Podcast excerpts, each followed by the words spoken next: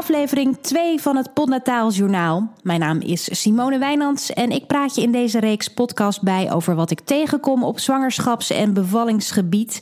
Ik bel met uh, leuke zwangere vrouwen, voer interessante gesprekken met mensen uit de geboortezorg en nog veel meer. Dit is dus een uh, dynamische podcast. Er komt van alles in voorbij. En heb je nou zelf iets waarvan je denkt dat het leuk is voor in het Podnataaljournaal? Stuur mij dan even een bericht via het Podnataal Instagram-account. Dat is @podnataal en wie weet spreken we elkaar hier dan snel.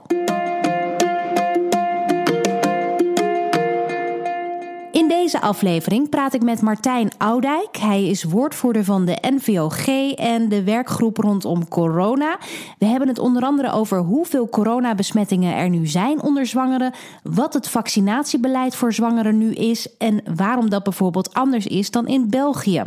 Maar eerst, ontzettend leuk nieuws wat ik met je wil delen. Kylie is bevallen van zoontje Morris op 14 maart. Kylie deelde in seizoen 4 van Potnataal het verhaal van de geboorte en het sterven van haar dochtertje Mette. En uh, later bleek dat zij op het moment dat ik met haar die podcast opnam, net weer pril zwanger was. En nu is ze dus bevallen van een prachtige zoon en gaat het goed met hen. Dus bij deze ontzettend gefeliciteerd en heel veel geluk gewenst. Belgische site De Morgen kwam ik een opmerkelijk artikel tegen. Daarin stond dat 1 op de 12 Belgische ouders lijdt aan een parentale burn-out. Dat is een complete mentale en fysieke uitputting die is veroorzaakt door al te veel stress bij moederen of vaderen.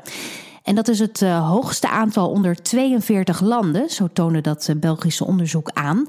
De individualistische prestatiecultuur is de belangrijkste oorzaak, wordt gezegd.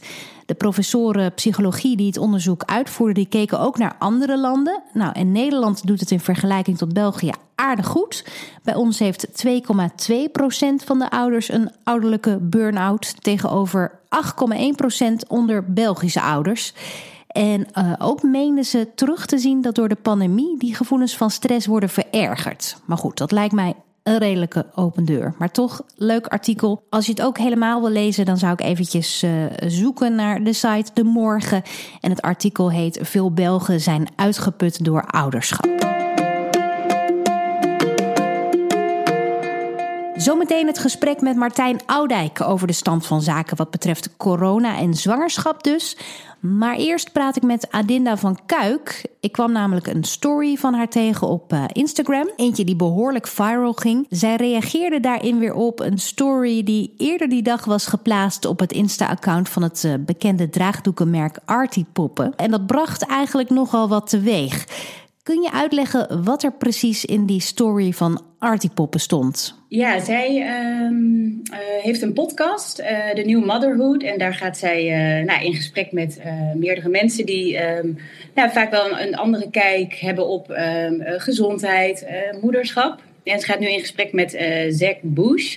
En hij heeft nogal, is een in, arts interne geneeskunde. en heeft nogal wel een holistische kijk op nou ja, alles omtrent de moeder, borstvoeding. En er werden eigenlijk meerdere um, highlights uit het interview gedeeld. De, dus die highlights die, nou, die werden zo zonder enige context gedeeld. Uh, en een daarvan ging over uh, borstvoeding. Waarin hij eigenlijk zegt van as soon as you uh, move away from breast milk to formulas, unfortunately you have lost the fundamental connection to nature for the child. Ja, dan nog een stukje en dan op het einde, these are the children that are prone to cancer, heart diseases at weird ages, autoimmune diseases at early ages. Nou ja, uh, best nogal wat uh, beweringen. Ja, hij zegt dus van, nou, je verliest meteen de connectie met je kind als ja. je stopt met borstvoeding en overgaat op kunstvoeding.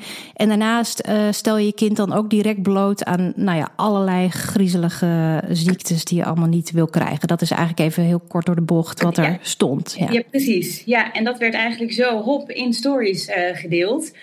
Um, ja, en het, bracht, ja, het vloog mij eigenlijk meteen een beetje naar de keel in de zin van: wow, uh, oké, want ik heb zelf twee dochters.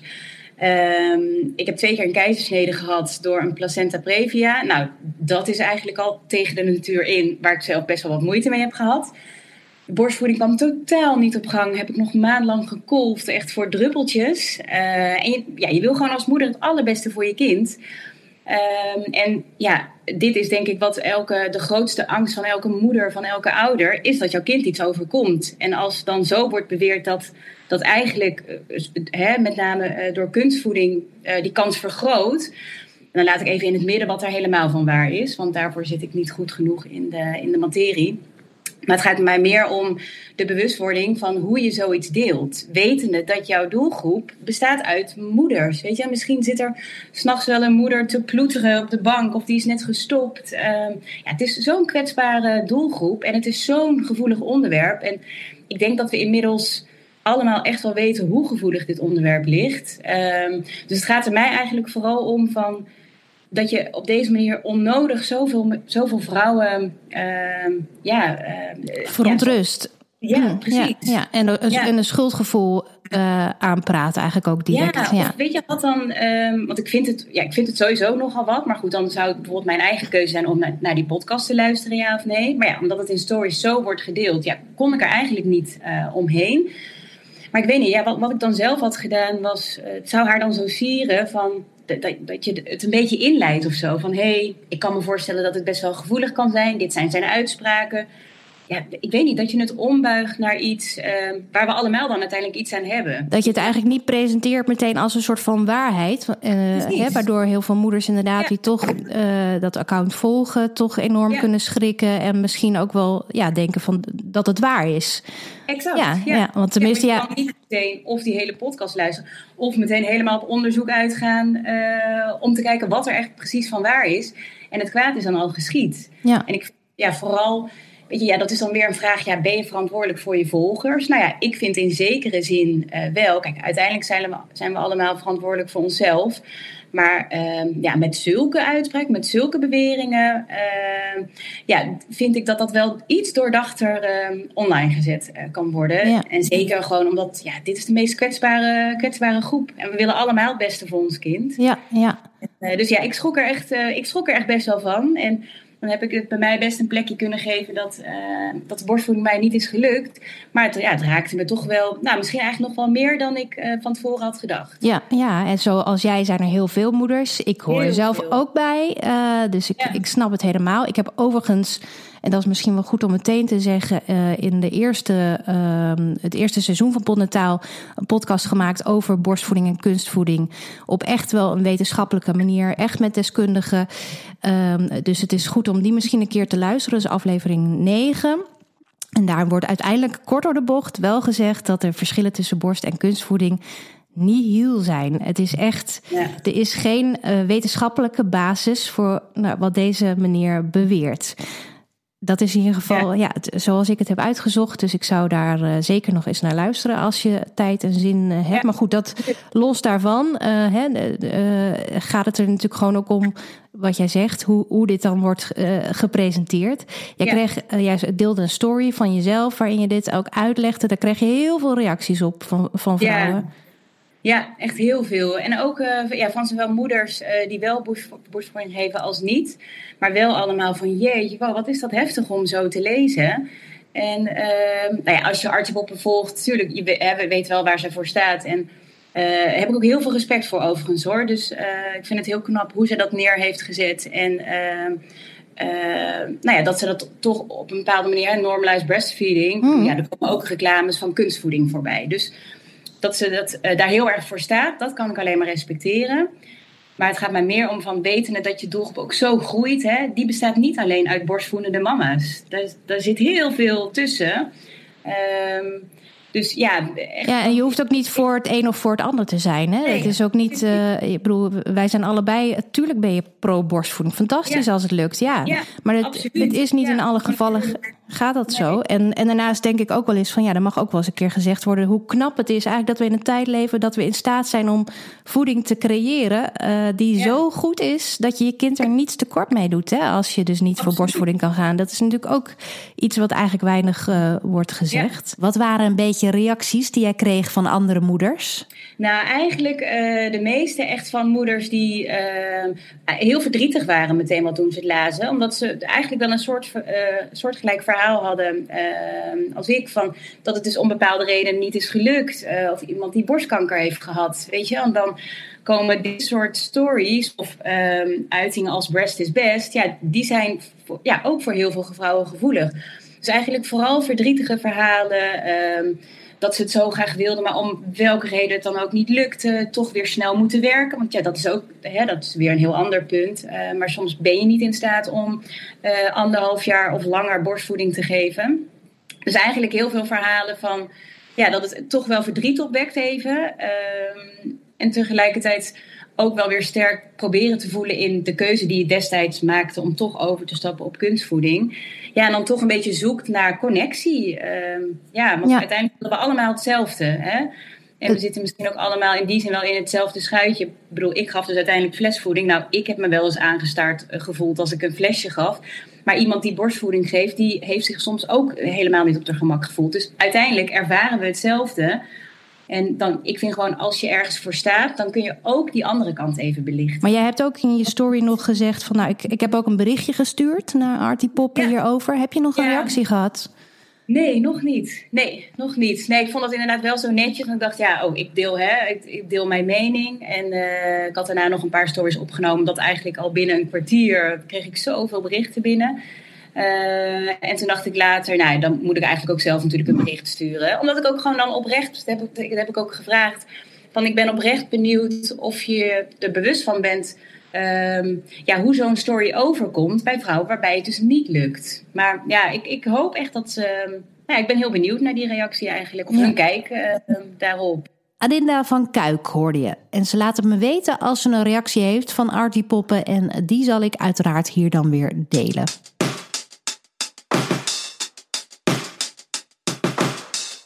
Zometeen meer over corona en zwanger zijn in Nederland. Maar we gaan er eerst even heel kort tussenuit voor een moment met onze sponsor Auto.nl.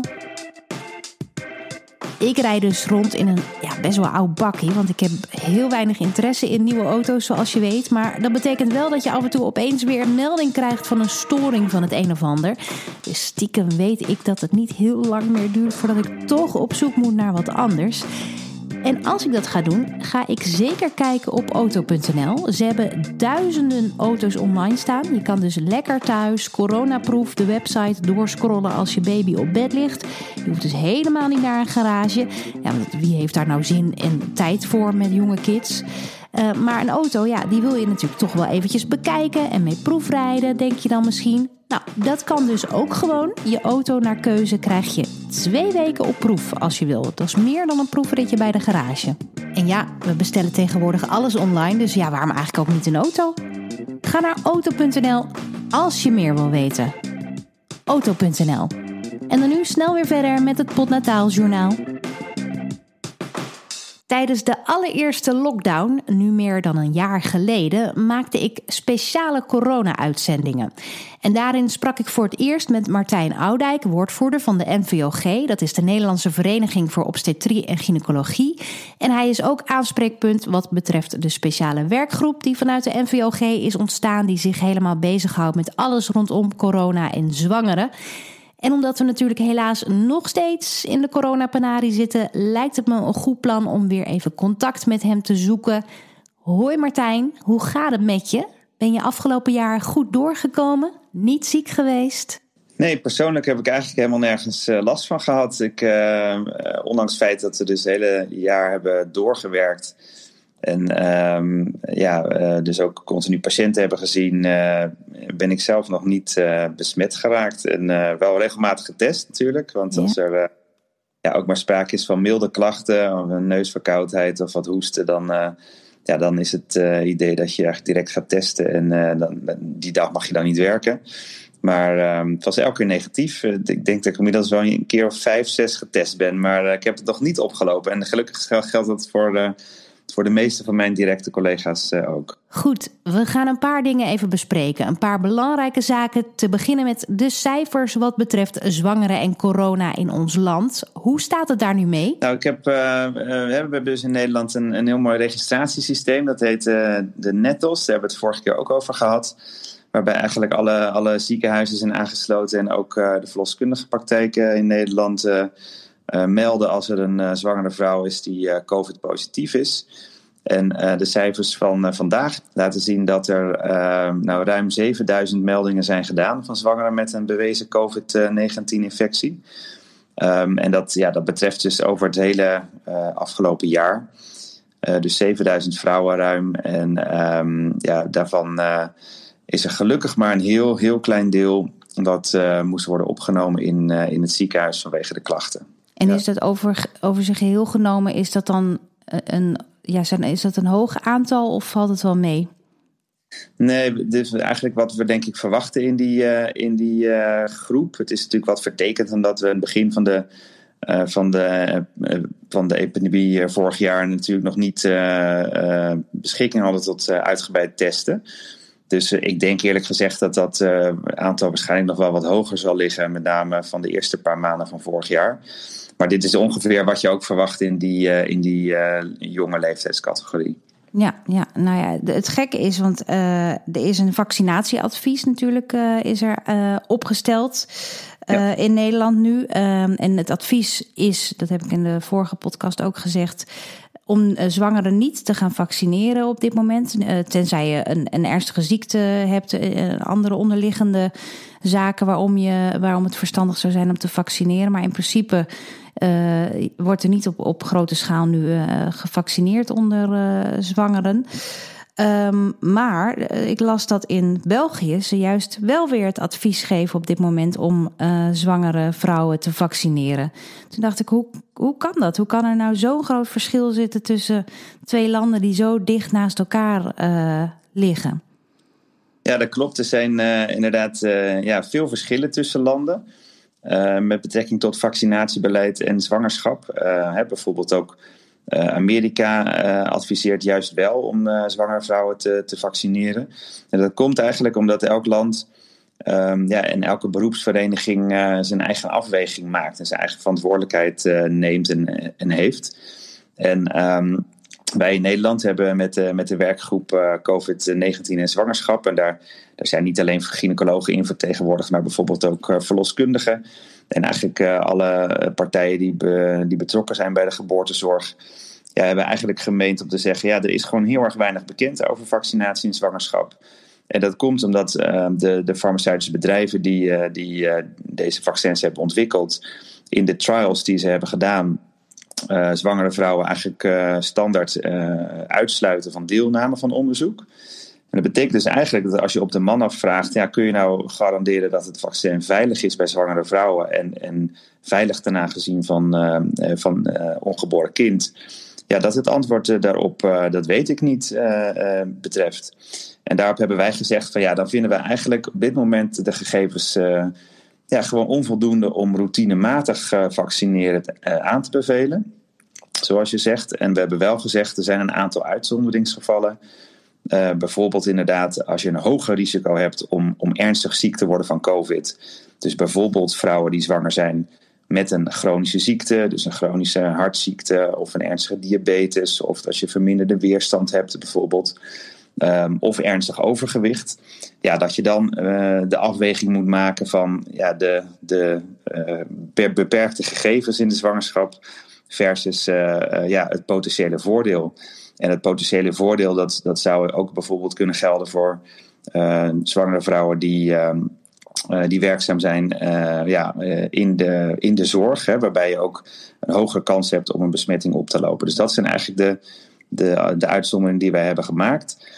Um, en wat gelukkig wel heel, heel goed is, is dat onder andere Pfizer, maar ik denk ook wel de andere farmaceutische bedrijven inmiddels gestart zijn met ook onderzoek um, naar uh, vaccineren van zwangere vrouwen. Dus we hebben de grote hoop, uh, goede hoop dat er binnenkort, binnen een aantal maanden, wel meer ja, over bekend wordt. Ja, want ik las wel dat er wel getest was op zwangere dieren, hè, op zwangere ratten, geloof ik. En dat daar verder niks uit was gekomen tot nu toe. Dat, dat, dat alles er wel op wijst dat het gewoon veilig is om ook zwangeren te vaccineren.